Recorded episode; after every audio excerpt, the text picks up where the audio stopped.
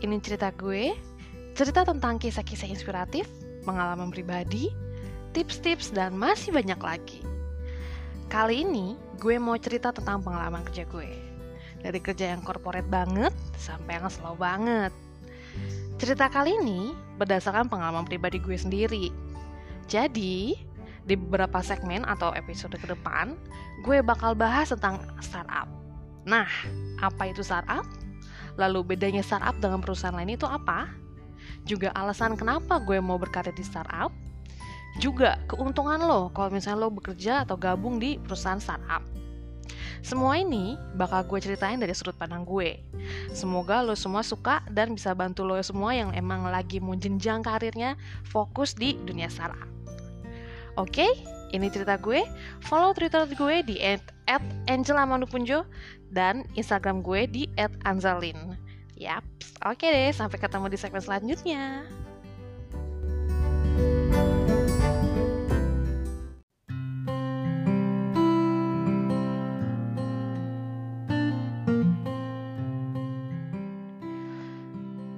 Kerja antah berantah.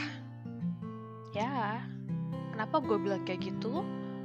Karena gue emang pertama gak ada cita-cita atau bisa dibilang tanpa planning untuk karir gue sendiri.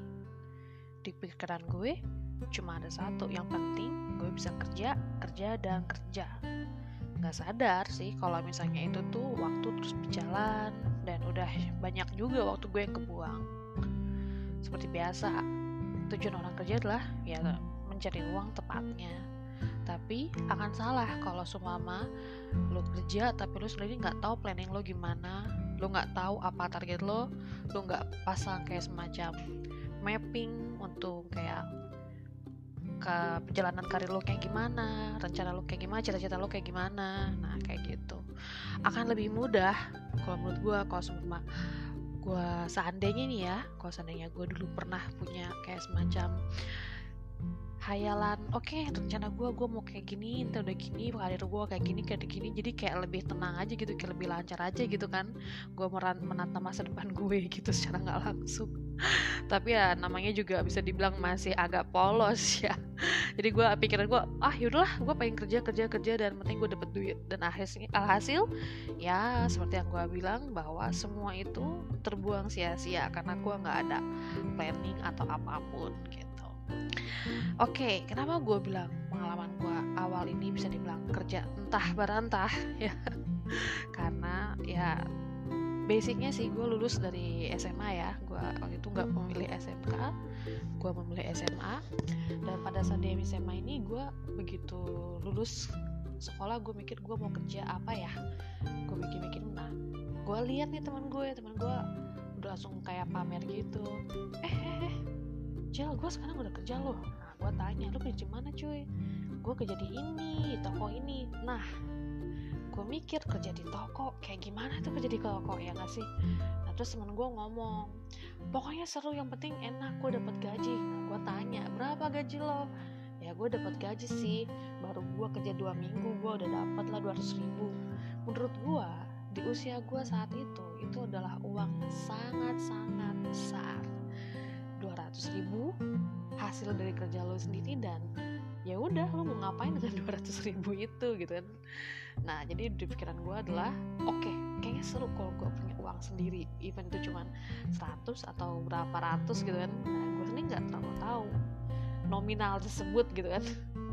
Nah singkat cerita gue lulus SMA saat teman-teman gue yang lain kuliah gue memutuskan untuk bekerja.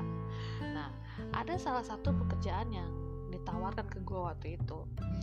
E, lu mau nggak kerja di sini jadi kayak SPG gitu. Nah di pikiran gue SPG itu apa ya? Dulu sih gue agak udik ya.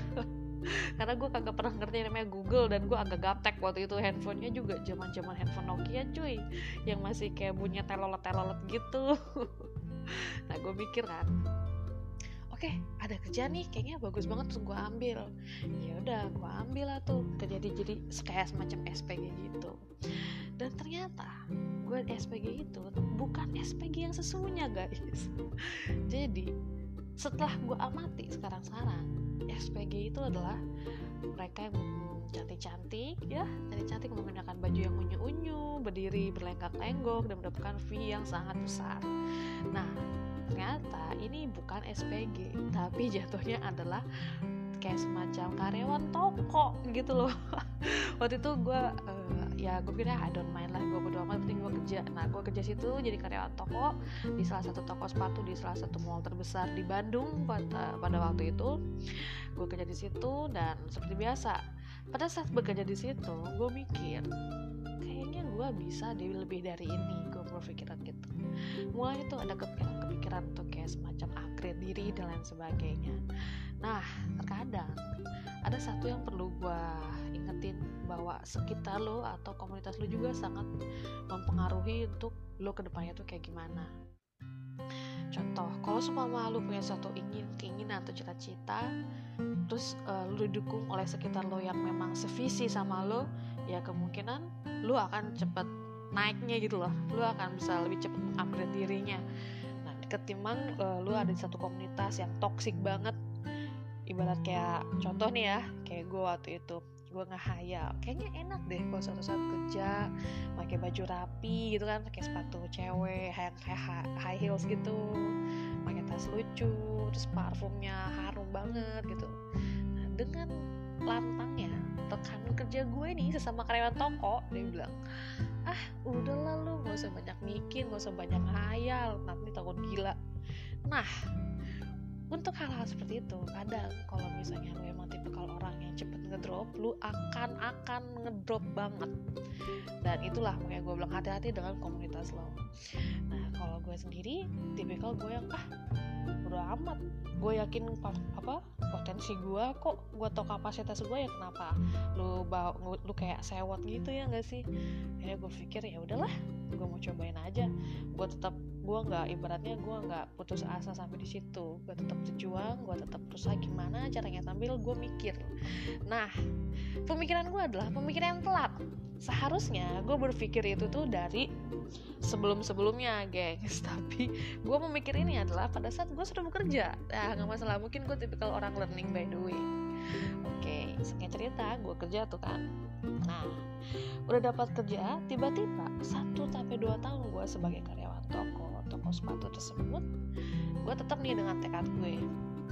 Gue bertemu dengan salah satu rekan gue yang memang dia kerja di bank ya gue tanya apa sih enaknya kerja di bank? dan lain sebagainya. Nah di situlah gue semakin terpacu. Dia ngasih support ayo sebenarnya lu bisa lu punya apa, apa potensi yang bagus gini gini gini gini.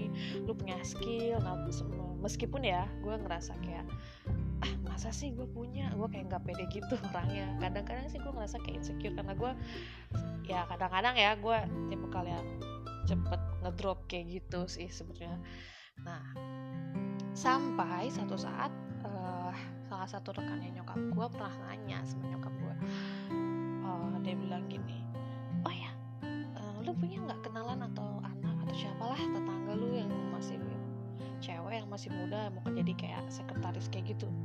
Nah singkat cerita nyokap gue bilang ada anak gue gitu kan. Nah, nyokap gue ceritain nih background gue lulusan SMA lu kerjanya gini gini gini. Nah ya udah coba dulu aja ditawarin kan tuh gue kerja. Jadi kayak sekretaris. Gue nolak cuy.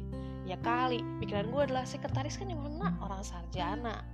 Orang yang minimal dia SMK lah. Dia dapat pelajaran-pelajaran di pikiran gue adalah sekretaris itu bener-bener sekretaris yang profesional.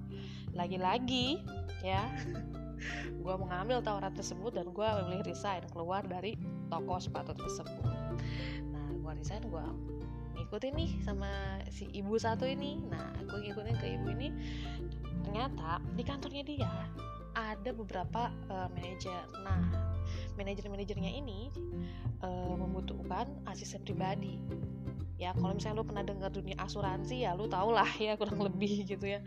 Nah gue kerja di satu-satu hmm, kantor asuransi kayak gitu tepatnya bukan kantor pusat sih kantor cabang.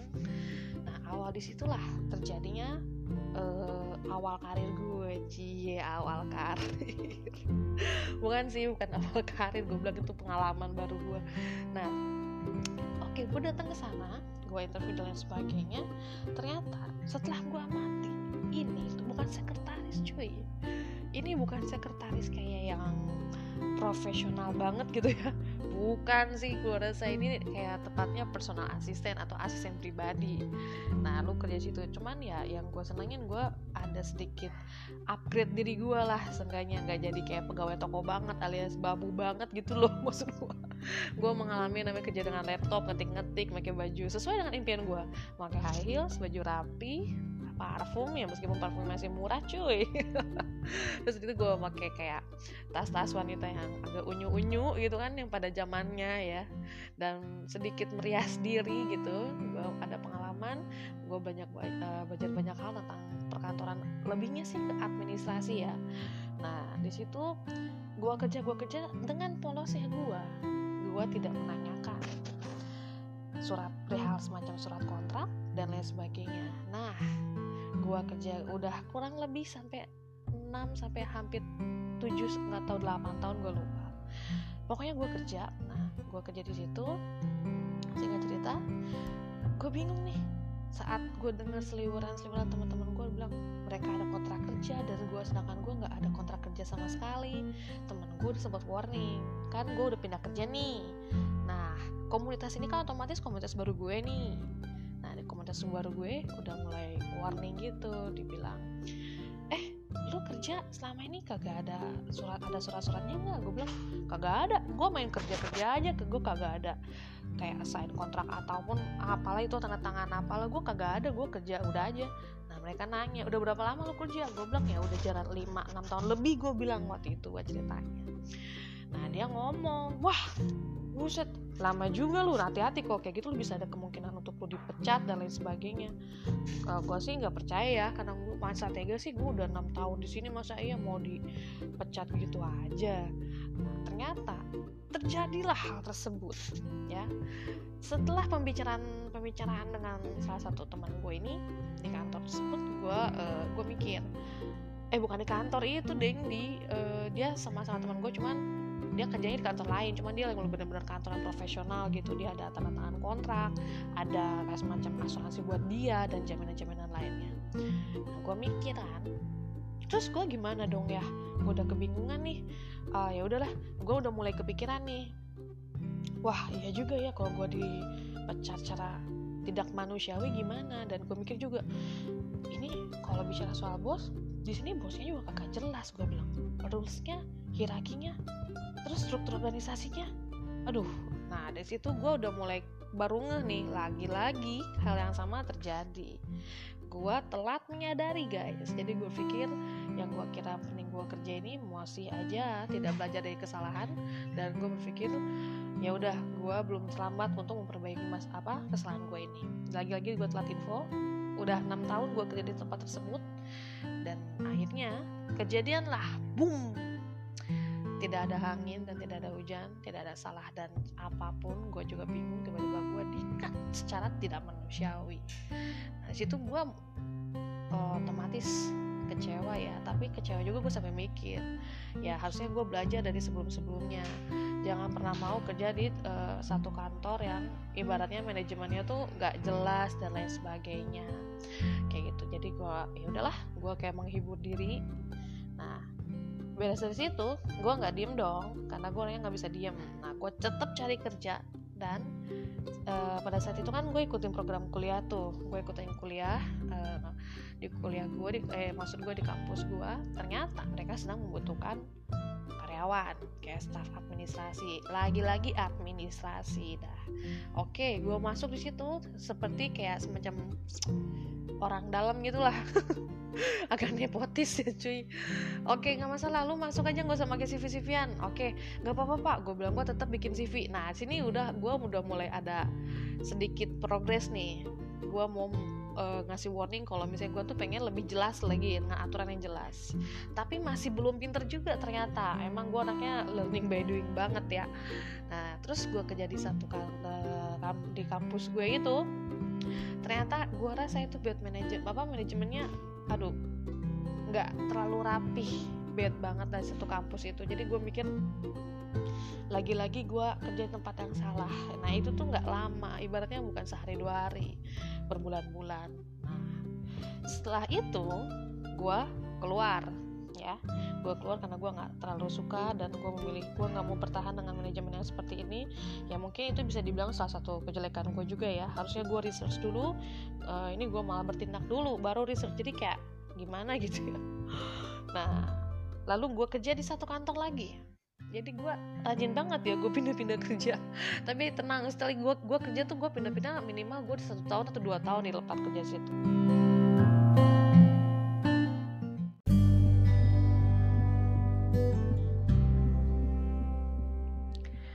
Nah, selanjutnya setelah berbagai macam banyak drama dalam hidup gue soal kerjaan, akhirnya gue mendapatkan satu tawaran kerja lagi. Kali ini ditawarin untuk menjadi seorang kayak HRD kayak gitu untuk rekrutmen dan lain sebagainya.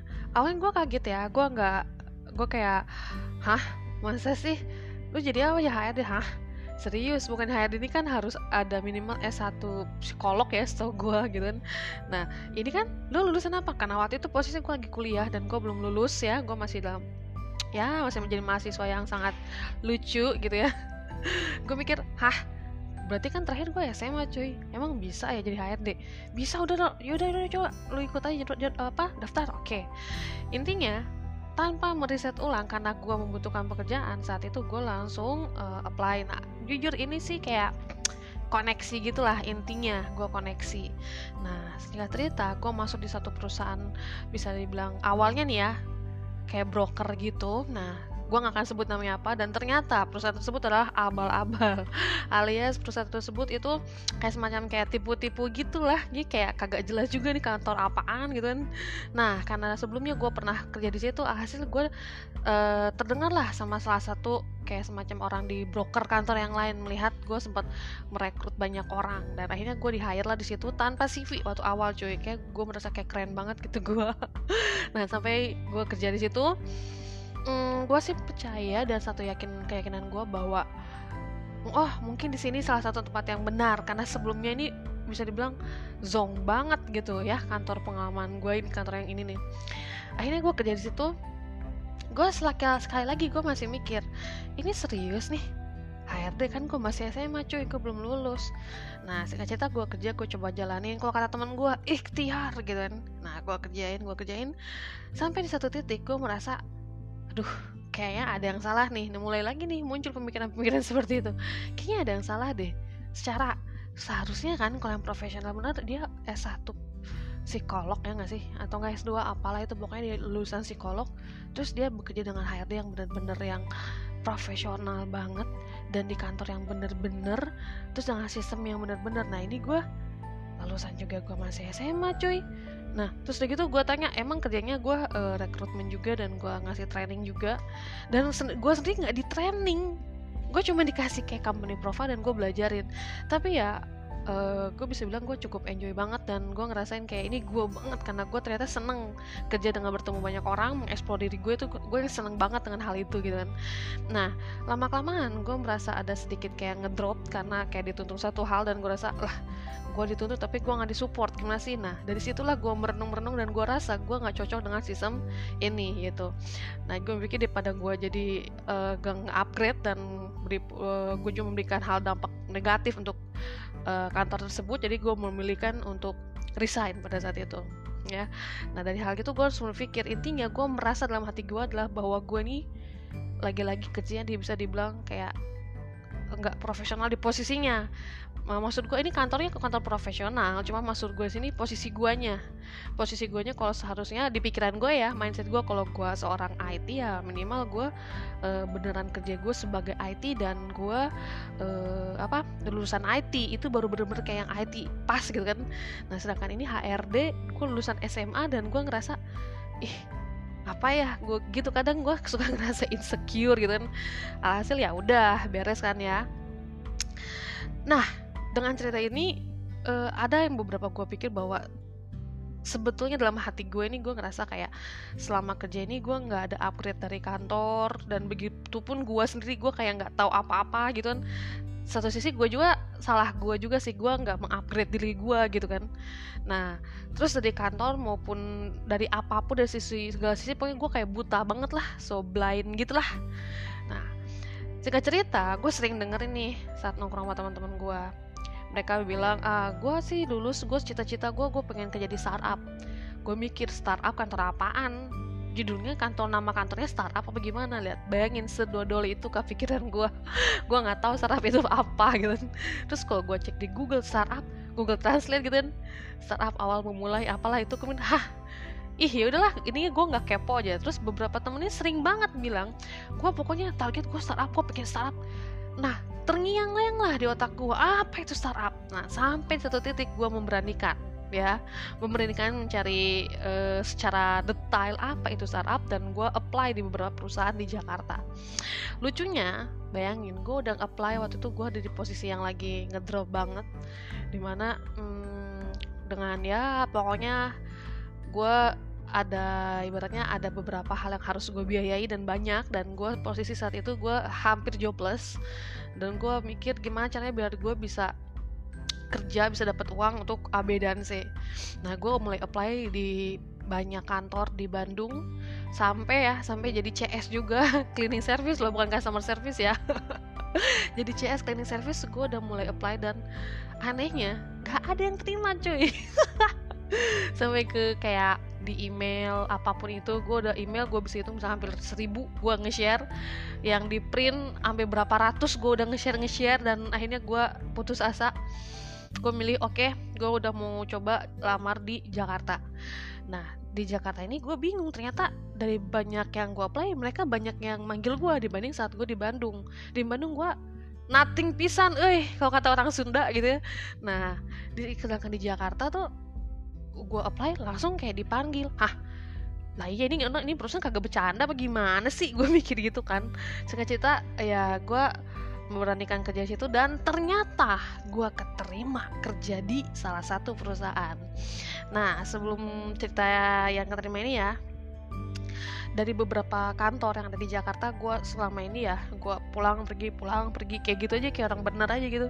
Pulang pergi pulang pergi. Nah selama pulang pergi ini gue banyak merenung. Gue kerja di tempat yang kerja yang entah berantah manajemennya kagak jelas nepotismenya tinggi. Malah pernah nih mohon maaf nih ya mohon maaf gue pernah kerja di satu kantor yang mana gue disuruh resign nggak ada yang suka gitu gara-gara gue tidak berhijab cuy bingung nggak lo? Padahal itu kantor bukan kantor syariah ya. Banyak hal yang seperti itu gitu. Akhirnya gue mikir ya udah mungkin ini waktunya gue untuk hijrah ke Jakarta. Interview sana sini akhirnya keterima di salah satu perusahaan uh, nggak salah satu ada dua tiga. Nah gue udah masuk psikotes dan lain sebagainya tinggal nunggu kabar dari tiga perusahaan ini uh, dua ini dua ini perusahaan besar dan yang satu ini ternyata ternyata dia perusahaan startup dan you know what? Tiba-tiba dari tiga gua keterima di perusahaan startup. Di perusahaan ini gue bingung hah gue keterima juga nih startup? Bentar dulu bentar gue cek cek dulu ternyata bener ini adalah perusahaan startup. Men lu tau apa yang pikiran gue aduh gue udah gak tau bilang apa lagi cuy.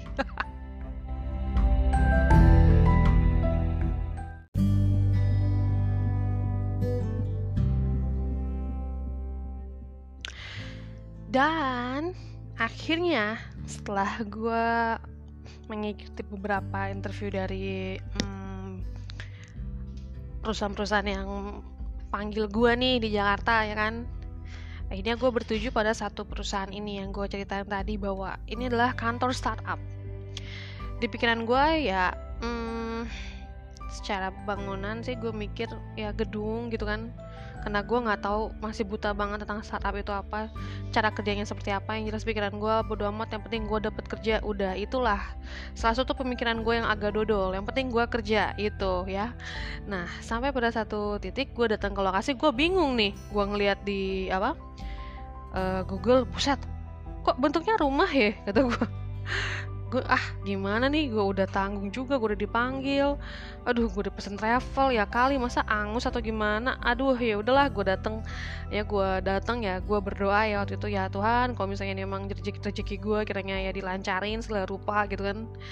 Gue dateng bener aja gue udah hmm, ini sih rumah ya geng segala mati gue gitu. Ini kan rumah. Terus waduh ini kayaknya dari bangunan aja udah kayak gini nih udah nggak bener nih. Nah karena gue belajar di pengalaman gue mulai pinter nge-googling. Gue googling lah kantor ini. Waduh didapati banyak uh, komentar-komentar pedas gitu kan. Pedas dan sedep gitu kan. Kalau ngebaca bisa-bisa langsung drop banget gitu buat lo yang lagi cari kerja. Aduh gue mikir ya gue masuk lubang buaya lagi nih dalam hati gue ya. Gue masuk kandang singa ada ini kok kayak ceritanya. Bener-bener lalu jel gitu kan. Dan ternyata gue mikir gue udah terlalu jauh oke okay, gue jalanin dulu. Kalau ini emang penipuan atau ini kantor yang abal-abal lagi oke okay lah gue cabut gue nggak tahu gimana lagi. Yang penting gue udah datang dulu. Setidaknya gue tidak tidak ibaratnya uh, prinsip gue nggak salah lah kalau untuk mencoba gitu kan. Setidaknya lu udah berusaha anjel. Oke okay gue datang gue chat bell ya seperti biasa lah ya. Masuk lewat pintu lu juga pada tahu kan. Gue interview. Interview pertama sangat biasa aja karena gue juga nggak expect banyak gue udah hopeless. Uh, psikotes ya udah gue isi gue isi gue isi. Dan udah gitu gue pulang gue pulang gue ngeliat aduh ini yang yang daftarnya anak-anak kecil semua. Belaga gitu kan belaga senior gue. Sebenarnya gue udah senior cuman packaging aja yang masih muda. Nah terus gue udah beres interview gue pulang tuh Hmm, gue di interview sama salah satu bapak yang bisa dibilang ganteng juga dan cukup gaul dan gue ngerasa karena gue sering menginterview orang waktu di Bandung jadi gue gak ngerasa gugup men. Agak sombong ya. Gue biasa aja gitu kan slow. Balik nih gue ke Bandung. Belum ada informasi balik nih di kantor ini. Tiba-tiba dapat email lagi nih. Ingat kata katanya si bapak itu dia bilang nanti kalau interview yang kedua kamu bakal dapat email dulu. Kalau kamu setuju nanti kamu tinggal balas langsung kamu datang ke interview yang kedua. Interview yang kedua ini udah langsung penerimaan. Katanya intinya seperti itu. Gue dapat email dan setelah gue rapat sama RI 1 RI 2 alias mak babe gue ya oke okay, deal approve ya kan? Nah ya udah gue cabut nih gue cerita travel lagi gue pergi lagi. Nah yang kedua kali ini gue masih tetap kayak pasrah karena mikir ah bodo amat penting gue kerja dulu di Jakarta sambil sambil itu gue nyari nyari kerja yang lain pikiran gue gitu kan. Jadi kalau ini abal-abal lagi intinya gue nggak shock banget lah nggak jobless banget gitu. Uh, gue interview yang kedua dan ternyata diterima juga karena udah persetujuan satu sama lain ya udah gue ambil tawaran ini gue ambil gue kerja. Nah di akhirnya gue balik lagi ke Bandung kan dan mereka tunggu gue dalam waktu yang cepat. Oke dengan beberapa pertimbangan akhirnya gue keterima juga kerja di startup. Dalam hati gue perasaan yang nge-expectin temen-temen gue tapi kan gue juga apply asal apply aja dan ternyata yang gue apply itu ternyata startup ya. Awalnya gue gak kepikiran itu startup sebetulnya nih ya.